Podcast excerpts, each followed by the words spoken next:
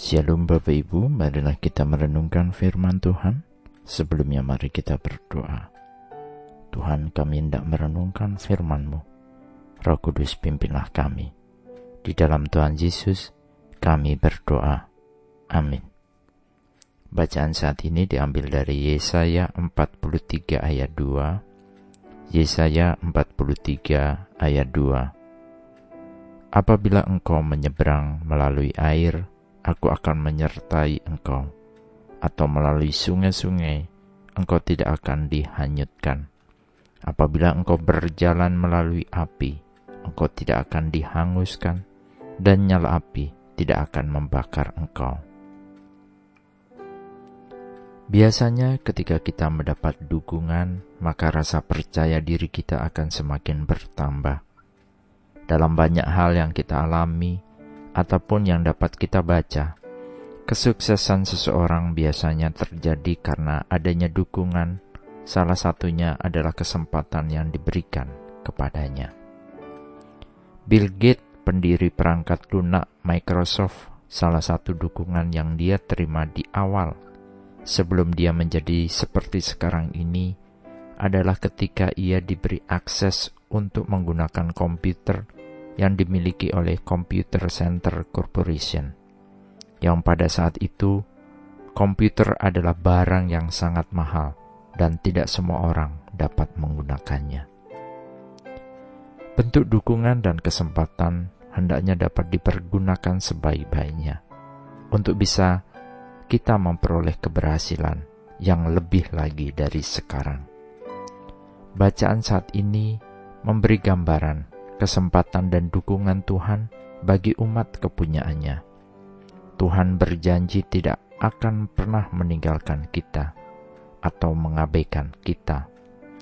Tidak peduli bagaimana kehidupan kita, kita telah ditebusnya, harga kita telah lunas dibayar kita mendapat jaminan bahwa janji perlindungan Tuhan dan pertolongannya tersedia bagi orang yang percaya dalam namanya.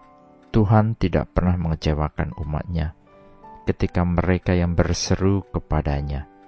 Kita yang patah hati, kita yang datang kepadanya, maka Tuhan akan menyambut kita. Tuhan mungkin tidak selalu menjawab dengan tepat seperti yang kita inginkan tetapi Tuhan menjawab sesuai dengan kehendak dan waktunya yang sempurna. Dan sementara kita menunggu jawabannya, kasih karunia-Nya cukup. 2 Korintus 12 ayat 9. Pasal dalam Yesaya adalah nubuatan Tuhan yang memberikan pengharapan dan penghiburan bagi umat yang tertawan. Dan nubuatan ini tergenapi dengan kedatangan Kristus yang membebaskan umat manusia dari perbudakan dosa. Tidak hanya itu saja, tetapi akhir dari semuanya, yaitu kelak sukacita di kerajaan sorgawi. Belajar dari banyak tokoh dan suku bangsa di dalam kisah-kisah Alkitab, bagaimana akhir dari kisah mereka ketika Tuhan menyertai dan membebaskan mereka, bahkan dukungan bagi mereka yang benar-benar mengikuti perintahnya. Maka hendaknya kita tidaklah menyia-nyiakan kesempatan yang Tuhan berikan. Dan janganlah kita tidak percaya, namun percayalah. Kita akan dapat melaluinya, dan jangan berputus asa. Mungkin persoalan akan terasa berat, namun ini adalah bagian dari suatu proses. Akhirnya, mereka yang menjadi milik Kristus dan menderita patah hati harus tahu bahwa Allah mengasihi mereka dan bahwa kasihnya tidak bersyarat. Tuhan yang sama yang ada di masa lampau ada di sini untuk menghibur orang yang patah hati, memulihkan, memberi sukacita dan keselamatan bagi mereka. Sungai tidak menghanyutkan, api tidak membakar, karena kita disertai Tuhan. Amin. Mari kita berdoa. Bapa Surgawi, sungguh kami bersyukur bahwa janji dan penyertaan Tuhan itu pasti.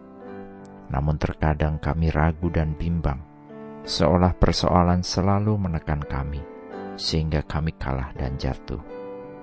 Tolong kami terus tumbuhkan iman percaya kami kepada Tuhan, supaya pandangan kami hanya tertuju pada keselamatan dan pemeliharaan di dalam Tuhan Yesus saja. Ampuni kami ya Tuhan, ketika kami lalai. Di dalam nama Tuhan Yesus, kami berdoa. Amin. Tuhan Yesus memberkati. Shalom.